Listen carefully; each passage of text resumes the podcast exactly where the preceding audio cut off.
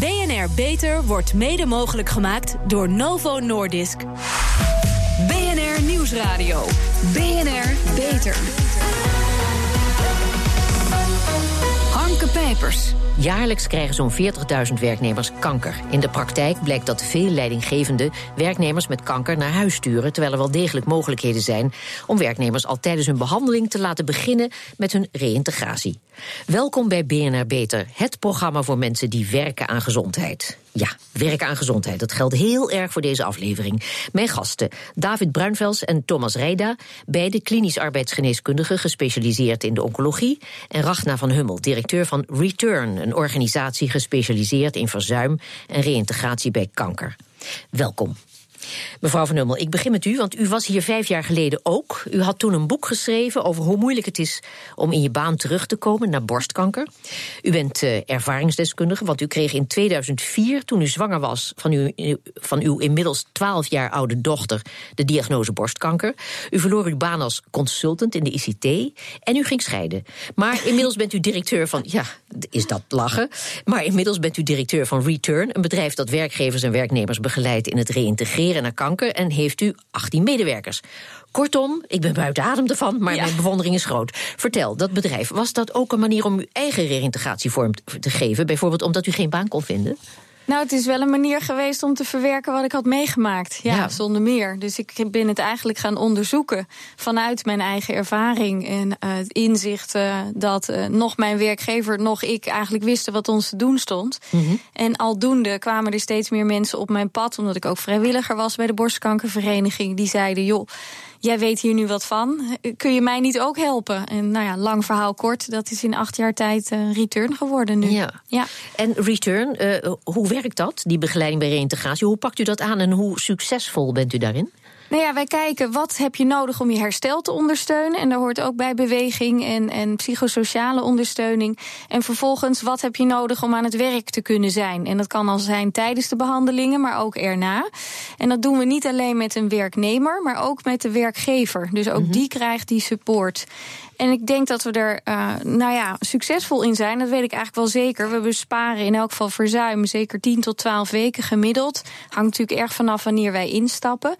Uh, maar mensen zijn ook heel tevreden over de begeleiding. En dat doet natuurlijk ook iets met kwaliteit van leven en de mate van reïntegratie. Ja, u bent nuttig. Maar goed, we zijn inmiddels zoveel jaar verder. Waarin schiet de huidige praktijk tekort? Nou, ik denk dat een van de allerbelangrijkste knelpunten is dat er vaak pas heel laat begeleiding op gang komt. Hè. Dus er is misschien wel geschikte begeleiding voor handen, maar die wordt kennelijk niet op tijd gevonden of ingezet. En uh, ik zou heel graag zien, dat is ook onze grootste uitdaging in de praktijk, uh, dat er veel eerder ingegrepen wordt. Ja, maar meneer Bruinvels, inmiddels hebben we de BACO, de bedrijfsarts consulent oncologie. Um, is dat de oplossing? Het is misschien niet de oplossing, maar het is wel een mooie tussenoplossing. Het, mm -hmm. uh, het idee van een bedrijfsarts oncologie is dat je uh, ja, bedrijfsartsen die ja, wat ge, uh, geïnteresseerd zijn in, in de oncologische patiënten, ja, in, in een jaar eigenlijk bijschoot om daar uh, ja, wat betere zorg aan te besteden. Een beetje vergelijkbaar met bijvoorbeeld de kaderopleidingen die uh, huisartsen ook kunnen krijgen. En het idee is dat ze daarmee eigenlijk een beetje een brug kunnen zijn tussen de kliniek, waar de oncoloog en de chirurg, et cetera, zitten, mm -hmm. en de, de arbozorg. Ja, en, en er zijn er 65 opgeleid, hè? Ja, ongeveer 65 opgeleid. Ja. Um, ja, het is natuurlijk wel zo dat uh, niet al deze 65 uiteindelijk uh, ja, fulltime als bedrijfsartsconsulenten werken. Ik denk dat een, ja, pak een beet, 20, 25 van deze collega's uh, ja, toch wel een significant deel van de week aan, aan, aan kanker en werk besteden. En dan denk dat ik is aan, heel weinig, maar 20. Ja, het kan natuurlijk altijd meer, dat ben ik met u eens. Ja, want hoe functioneert het nou in, functioneert het nou in de praktijk? Weet, men, weten partijen elkaar te vinden? Nou, op zich, de, de bedrijfsartsconsulent staat bijvoorbeeld in de verwijsgids van het, het IKNL. En dat is een -hmm. gids speciaal voor patiënten en zorgverleners, waar ze sowieso alle verwijzers in kunnen vinden. En uh, het tweede is dat inmiddels ook steeds meer ziekenhuizen, maar ook uh, revalidatiecentra, waar oncologische patiënten vaak na de behandeling terechtkomen, uh, ja, weten van het bestaan van deze groep bedrijfsartsconsulenten. En mevrouw Hummel, heeft u de ervaring dat deze mensen, deze bako's, voldoende worden ingeschakeld? Nee, ik denk dat ze nog veel te beperkt worden ingeschakeld. Ja. En meneer Rijda, waar, waar, ligt het aan dat deze in oncologie gespecialiseerde bedrijfsartsen in de praktijk niet of, of, of nauwelijks worden ingeschakeld, heb ik begrepen? Nou ja, het, het, probleem is dat er eigenlijk uh, wel financiering was voor studies waarin de, die bedrijfsartsconsulent uh, zeg maar uitgetest is op zijn gunstige effect. En die studies uh, die, die zijn heel gunstig verlopen. Mm -hmm. Maar daarna de zorginbedding die wel bedoeld was, eigenlijk ja, uit is gebleven. Er is geen financiering in de zorg. En dan ben je of afhankelijk van een werkgever die er een keer voor wil betalen. Of op een andere manier uh, zou het dan gefinancierd kunnen worden. En dat is tot nu toe wel een probleem, dus het is een drempel. Ja. Er zijn niet genoeg zeg maar, gefinancierde werkplekken voor deze mensen. Ja, nou, dat is dan mooi, want uh, dat betekent dus ook dat de specialist daar niet, zijn patiënt daar niet aan kan verwijzen. Ja, lastig. Want als je ja. verwijst naar iemand die niet gefinancierd wordt, dan zegt de patiënt tegen je van ja, maar ik krijg nu een rekening en wat moet ik daarmee? Dat is, dat is, dus ja, dat is een probleem. Ja. En er zijn wel bedrijfsartsconsulenten die het soms gratis doen, maar dat is uiteindelijk in de zorg niet de bedoeling, lijkt mij. Dus, ja. ja. Nou ging ik ook nog uit van het feit dat er specialisten zijn, nou die zijn er, uh, die de bako weten te vinden en van zijn bestaan op de hoogte te, uh, zijn. Maar dat zijn lang niet alle specialisten, heb ik begrepen. Hè? Nee, ik denk dat dat inderdaad nog wel een stuk beter is. Hoewel ik wel mee eens ben dat het in verwijsgietsen nu meer en meer goed genoemd wordt. En ja, er zijn wel partijen die, die daar toch structureel gebruik van maken. Maar dat zijn nog wel eilandjes in Nederland. Ja.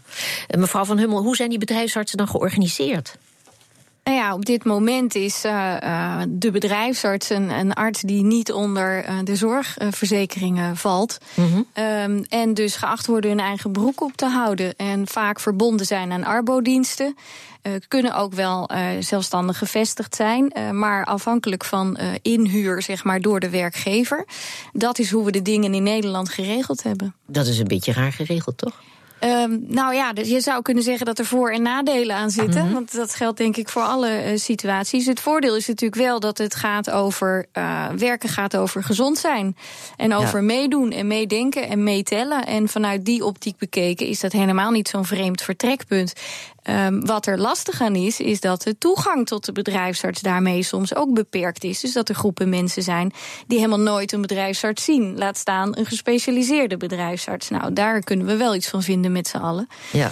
Uh, en datzelfde geldt bijvoorbeeld voor het krijgen van een second opinion. Als mm -hmm. je het niet eens bent met je bedrijfsarts en toch graag een specialist zou willen zien. Ja. Maar goed, um, er zijn in dit geval, um, in het geval van de diagnose kanker, natuurlijk nog een heleboel andere aannames die ook een grote rol spelen. Hè? Want um, ik heb begrepen dat het nog steeds zo is dat je met de diagnose kanker toch verondersteld wordt nauwelijks meer aan het werk te komen.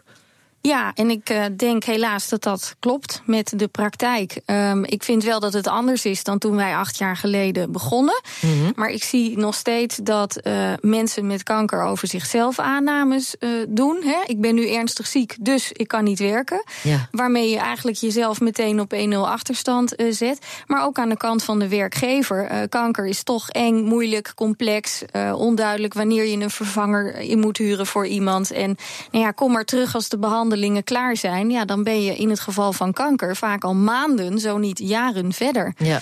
En, en dan, ondertussen raak je je baan kwijt. Ja, want uh, onze wetgeving hierover die gaat niet over ziek zijn, maar over verzuim. En dat is de wetverbetering Poortwachter. Ja. ja, dat is een klokje dat tikt. En die tikt maximaal twee jaar. En daarna komt er toch echt een beoordeling. En daarbij maakt het niet uit of je verzuimt als gevolg van een gebroken been of als gevolg van kanker. Ja. Uh, meneer Bruinvels, minister Ascher kondigde in 2015 maatregelen aan hè, om het werken met kanker makkelijker te maken. Is daar tot nu toe iets van terechtgekomen? Ja, nou eigenlijk ja, heel. Het, het, is iets anders gelopen dan volgens mij Ascher aanvankelijk gedacht had. Het mm -hmm. idee was om uh, speciaal voor mensen met kanker die weer terug wilden keren op de werkplek uh, een no-risk uh, ja, polis in feite vast te stellen. Een beetje vergelijkbaar ja. bij, met het vangnet wat je ook voor ja, een aantal andere speciale situaties hebt. Ja, um, dat is een het idee, idee. Uh, maar uh, het, het, het, het, is anders gelopen in die zin dat uh, ja, het is natuurlijk heel raar als je dat alleen voor kanker zou doen. Mm -hmm. En um, er is dus nu voor gekozen om het eigenlijk voor bijna alle chronische uh, en langdurige aandoeningen aan te bieden. Ja. En ik heb begrepen dat ja, echt elk moment daar een klap op gegeven kan worden. En dat, die, dat dat voorstel ook daadwerkelijk geïmplementeerd gaat worden in de praktijk. En ik denk dat dat een, ja, een enorme push is. Niet alleen voor werkgevers, want dat betekent dat die twee jaar in feite zonder risico uh, of tenminste ook, ook, mensen makkelijk zonder risico kunnen inhuren en een baan kunnen aanbieden. En als deze uitvallen, kunnen ze van vangnet gebruik maken vanuit de ziekte, ziektewet. Maar aan de andere kant ook voor werknemers, die, of potentiële werknemers, die geïnteresseerd zijn om te gaan werken. Mm. ja, die weten in ieder geval dat ze ja, meer kans maken bij een sollicitatie. Dus ik denk dat de twee kanten op heel, heel goed zou kunnen werken. En ik ben ook heel benieuwd of het inderdaad zo uitpakt zoals uh, ja, nu, nu ontworpen is in feite. Ja. ja. Mevrouw Van Hummel, is mooi nieuws hè? Ja, dat op zich oh, wel. Of u wist het al? Ik wist dit toevallig al. Nee, ik wist Geheel het niet toevallig. um, en ik hoop eigenlijk op nog een heel mooi ander neveneffect. Uh, we zien namelijk nu dat mensen met tijdelijke contracten... of flexwerk, nul uren contracten... dat die contracten eigenlijk nooit verlengd worden... als er ja. sprake is van kanker. En dat is ook een groot probleem. Um, uh, ik hoop eigenlijk heel erg dat werkgevers in deze situatie... Wetende dat die no-risk-polis daar kort op volgt... Uh, bereid zijn om mensen uh, niet te ontslaan, de contracten te verlengen, dan wel uh, snel weer terug in te huren. omdat je daarmee ook de afstand tot werk veel kleiner houdt. Ja. Meneer Rijda, had het afgelopen kabinet, het afgelopen kabinet, laten we het zo noemen, had, die, had dat voldoende oog voor deze problematiek? Nou, in mijn gevoel niet, niet structureel deze wet is, is wel prima, maar die repareert denk ik maar een heel klein stukje van, uh, laat zeggen, de melaatsheid die je de kankerpatiënt op de arbeidsmarkt ondervindt op allerlei manieren. En ik ben ook benieuwd wat de effecten zijn, maar ik denk dat de aandacht voor dat de kankerpatiënt eigenlijk meer aan het werk kan en moet in Nederland, ja, ja. Die, die, is niet bij dit afgelopen kabinet heel hoog geweest. Dus ik heb hoop in, op het nieuwe kabinet dat dat meer aandacht gaat krijgen. De melaatsheid van de kankerpatiënt is een forse uitspraak, hè? Ja, dat is wel hoe het op de arbeidsmarkt beleefd wordt door de gemiddelde kankerpatiënt. Ja, maar, maar men vond het ook te volgen om uh, zeg maar deze speciale hulp... om die door verzekeraars te laten vergoeden, heb ik begrepen. Hè? Ja, het zijn, het zijn pilots geweest die wel mm -hmm. uh, wetenschappelijk goed bewezen zijn. En in mijn gevoel uh, alle grond om het in de zorg verder in te voeren, desnoods stapsgewijs. Ja. Maar dat was ja, nog een brug te ver voor het afgelopen kabinet. Ongeveer 1 op 4 kankerpatiënten verliest zijn baan, terwijl dat helemaal niet nodig is. Hoog tijd dat er meer aandacht komt voor hun reïntegratie. Hoort u meer over na de reclame. BNR Nieuwsradio. BNR Beter. 1 op de vier kankerpatiënten verliest zijn baan en het aantal zal alleen maar groeien. Niet alleen omdat de pensioenleeftijd omhoog gaat, maar vooral omdat steeds meer mensen kanker overleven. Kanker wordt steeds meer een chronische ziekte. Hierover praat ik verder met mijn gasten David Bruinvels en Thomas Rijda, beide arbeidsgeneeskundigen gespecialiseerd in de oncologie, en Ragna van Hummel, directeur van Return, een organisatie gespecialiseerd in verzuim en reïntegratie bij kanker. Meneer Bruinvels, de wet verbetering poortwachter is niet ingesteld op de reïntegratie van chronisch zieken. Hè. En dat betekent voor heel veel mensen met een vaste baan dat ze er belang bij hebben om de termijn van twee jaar te halen. Want dan hebben ze recht op een uitkering. Zo is dat toch, hè? Ja, je kan, je kan er inderdaad zo naar kijken. Het is natuurlijk wel zo dat als je geconfronteerd wordt met de diagnose kanker, dat een heleboel mensen uh, mm -hmm. ja, in eerste instantie denken dat lukt me nooit meer om terug te keren. Ja. En er is ook, moet ik eerlijk zeggen, natuurlijk een hele andere groep die dat wel heel erg probeert. Maar om even bij de eerste groep te blijven. Ja. Die, uh, ja, die zouden wel eens uh, ja, wat langzamer kunnen herstellen dan uh, wanneer we wellicht die hele wetverbetering poortwachter er niet geweest was. Ja. Die ervaren gewoon, bijvoorbeeld omdat je behandeling, stel je borstkanker, je krijgt chemotherapie, een operatie, daarna nog eventueel radiotherapie, reconstructie. Uh, ja, dat je op dat moment al anderhalf jaar bezig bent. Ja. En dan moet je nog ineens in een half jaar proberen terug te komen. Ja. En ik kan me goed voorstellen dat uh, vrouwen die zoiets overkomt... Uh, de moed in de schoenen zakt. Ja. ja. Dus, dus moeten we eigenlijk die, die periode waarin dat allemaal zijn beloop heeft... moeten we die langer maken? Drie jaar? Dat is natuurlijk wel een mogelijkheid dat je gewoon Ja. de periode verlengt. Maar dan, uh, dan hou je in ieder geval die druk er weer af. Maar Ja. aan de andere kant, het zou natuurlijk eigenlijk veel mooier zijn als je er een beetje op een maatwerkmanier naar kan kijken. Ja. Dat je gewoon eigenlijk gaat voor uh, ja, maximaal herstel van uh, je behandeling. En Mhm. kijkt of je daar uh, een mooi behandelplan en een revali- revalidatieplan eventueel voor maakt. Ja. En de termijn die daarmee gemoeid is, dat maakt dan niet meer zoveel uit. Of dat nou twee jaar, tweeënhalf jaar of drie jaar uiteindelijk duurt voordat iemand terug is. Ja. En als je meteen op drie jaar zet, ben ik heel erg bang dat je, nou, dat je misschien werkgevers wel weer gaat krijgen die gaan afremmen. En dat is wellicht ook niet in het belang van de patiënt. Ja? Ja, nee, ik, ik deel uh, in elk geval dat de, dat de grote groep mensen uitermate gemotiveerd is om aan het werk te zijn. Dat is in elk geval wat onze praktijk laat zien. Juist omdat ze dit hebben meegemaakt. Dat zijn mensen die allemaal heel bewust kiezen om aan het werk te zijn en dat ook graag willen of daarin willen terugkeren. Ja. Um, ik denk als je ziet dat er heel erg wordt gestuurd op wel of niet die twee jaar halen, dat dat bijna altijd onmacht is. Uh, en dat dat eigenlijk betekent dat een werkgever, een werknemer uh, niet weten wat ze te doen staat. Of, of olifanten geen naam durven te geven die wel in de kamer staan. Uh, en dan val je terug op proces. En in dit geval is dat poortwachter. En dan ga je heel netjes alle stapjes volgen die daarin zitten. Ja. Maar dat leidt natuurlijk nooit tot een oplossing. Dus ja, ik denk ook dat het geen goede strategie is om daarop te sturen. En vanuit de patiënt, vanuit de werknemer bezien, is dat eigenlijk nooit een goede strategie. Ik kan me verplaatsen in het gevoel want dat heb ik zelf ook meegemaakt. Mhm. Dat je in een half jaar onder grote druk moet reïntegreren en dat dat als heel heftig voelt. Ja. Maar als je kijkt wat het doet met je financiële situatie, met je mogelijkheden op de arbeidsmarkt, met al die andere dingen, dan leid je eigenlijk dubbel verlies. Ja. het wordt niet beter in een uitkering. Nee, zeker. Meneer Rijda, je hebt als patiënt de keus tussen, althans dat is de huidige situatie, fulltime werken of niet. Hè? Heeft u daar in de praktijk ook mee te maken? Want het heeft, heb ik begrepen, vaak schrijnende gevolgen. Nou ja, het, alles of niets principe, dat komt inderdaad heel veel voor. Uh, En uh, uh, dat heeft soms te maken met dat werkgevers inderdaad sturen op, nou ja, je moet maximaal terugkomen en anders dan maar van je af. Uh, dat, ik, ik chargeer nu een beetje, de, goede werkgevers doen dat niet, maar het komt wel zeker veel voor. Maar ook werknemers denken soms van nou, uh, ik mag niet failliet, dus ik ga maar uh, voor, voor alles. En, en anders, als het dan niet lukt, nou ja, dan, dan keur me dan maar af. Dat, dat, dat hoor ik regelmatig. Ja, ik las dat verhaal, dat is een heel schrijnend verhaal. Ik hoop dat het een uitzondering is van de man die had begrepen dat hij terminaal ziek was. Maar dat ging vrij lang duren en die moest dan toch fulltime aan het werk.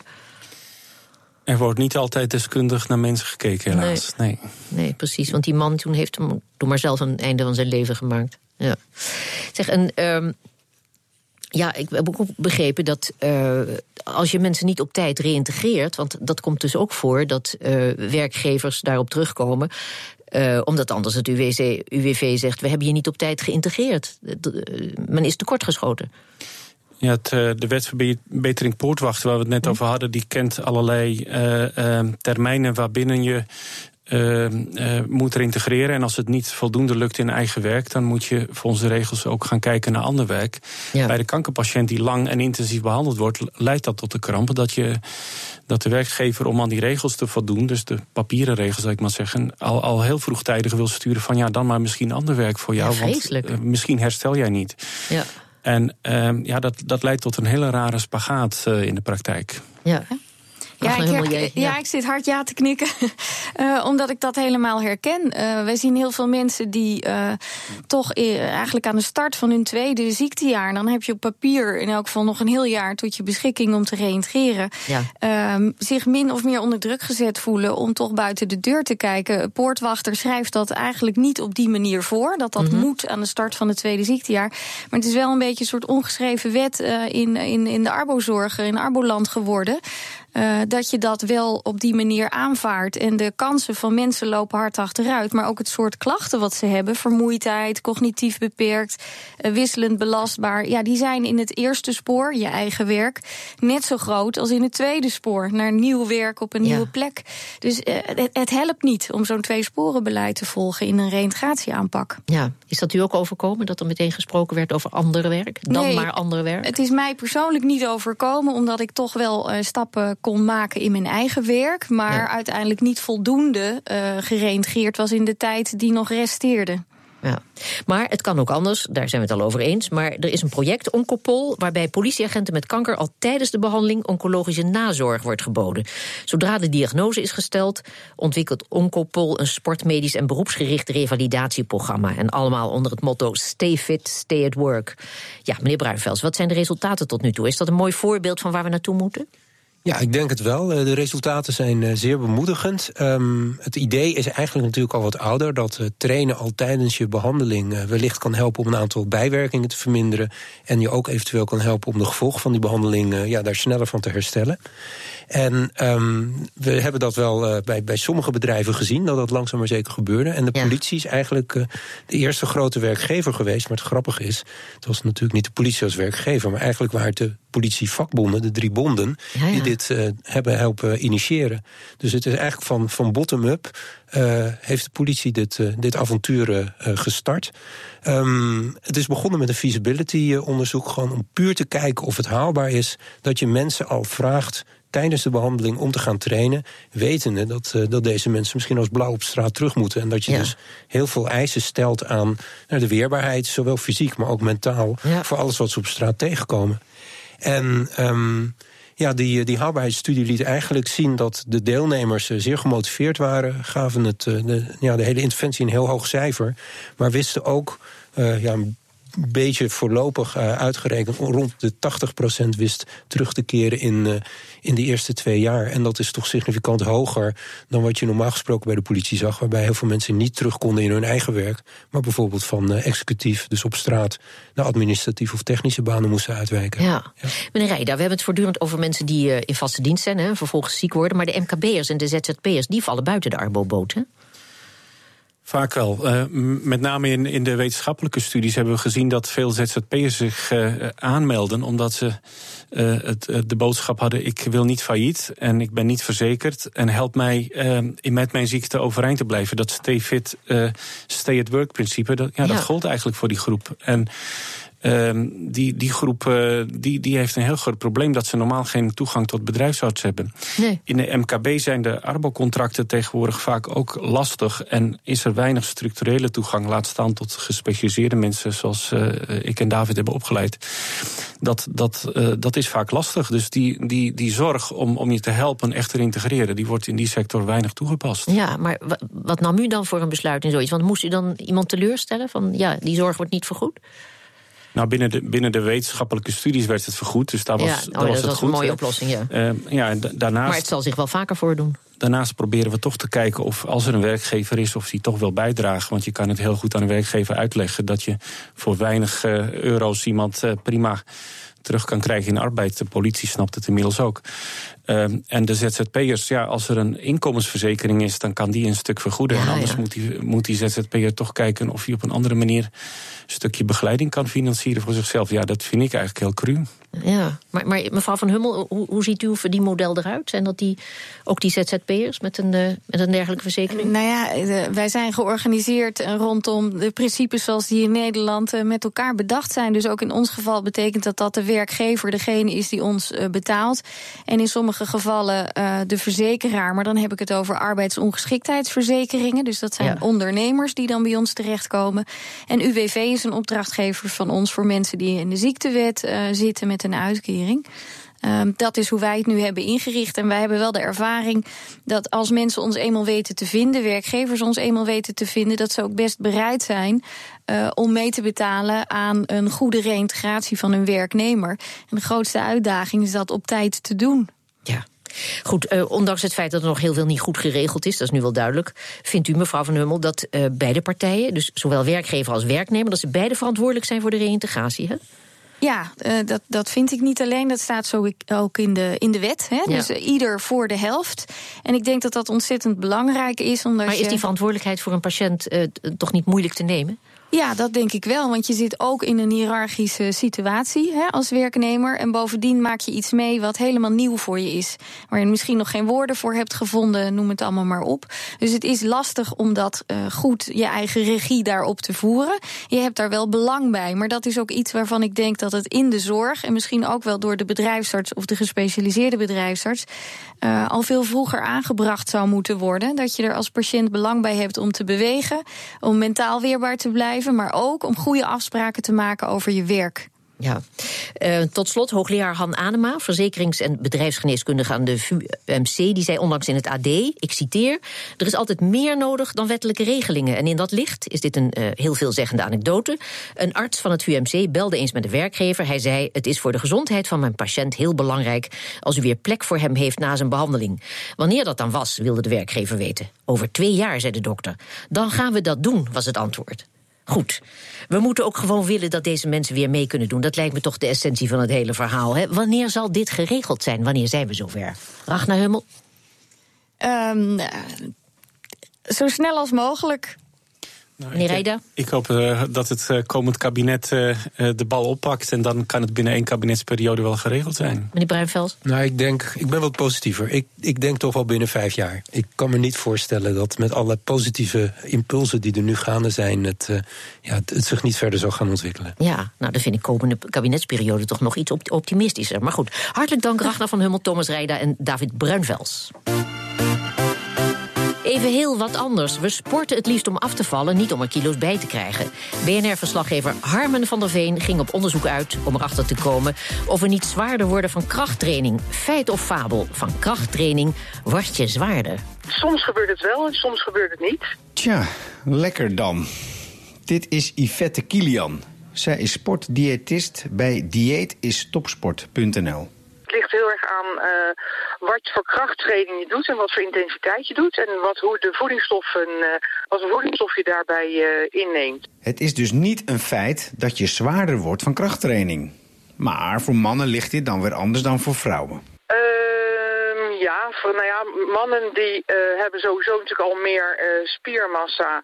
En over het algemeen zijn vrouwen wat minder sterk dan mannen. Er zullen heel veel vrouwen hier boos om worden, denk ik. Maar uh, als je gaat kijken naar krachtmetingen, hè, dat zie, zie je ook in de topsport... dat vrouwen over het algemeen wat minder kracht zijn, minder dan, dan mannen. Dat is dan natuurlijk wel weer een echt feit. Wij mannen zijn nu eenmaal het sterkere geslacht. En als wij gaan trainen dan worden we ietsje zwaarder. Toch? Nee, dat is, weet je, dat is zo ontzettend individueel. Uh, er is niet heel erg duidelijk antwoord natuurlijk op te geven. Tot zover deze uitzending van BNR Beter. Op bnr.nl slash beter is deze uitzending terug te luisteren. En we zijn ook op Twitter te vinden onder BNR Lifestyle. Heeft u tips voor ons? Laat het ons weten, heel graag. Ik ben Harmke Pijpers. Tot een volgend spreekuur. BNR Beter wordt mede mogelijk gemaakt door Novo Nordisk.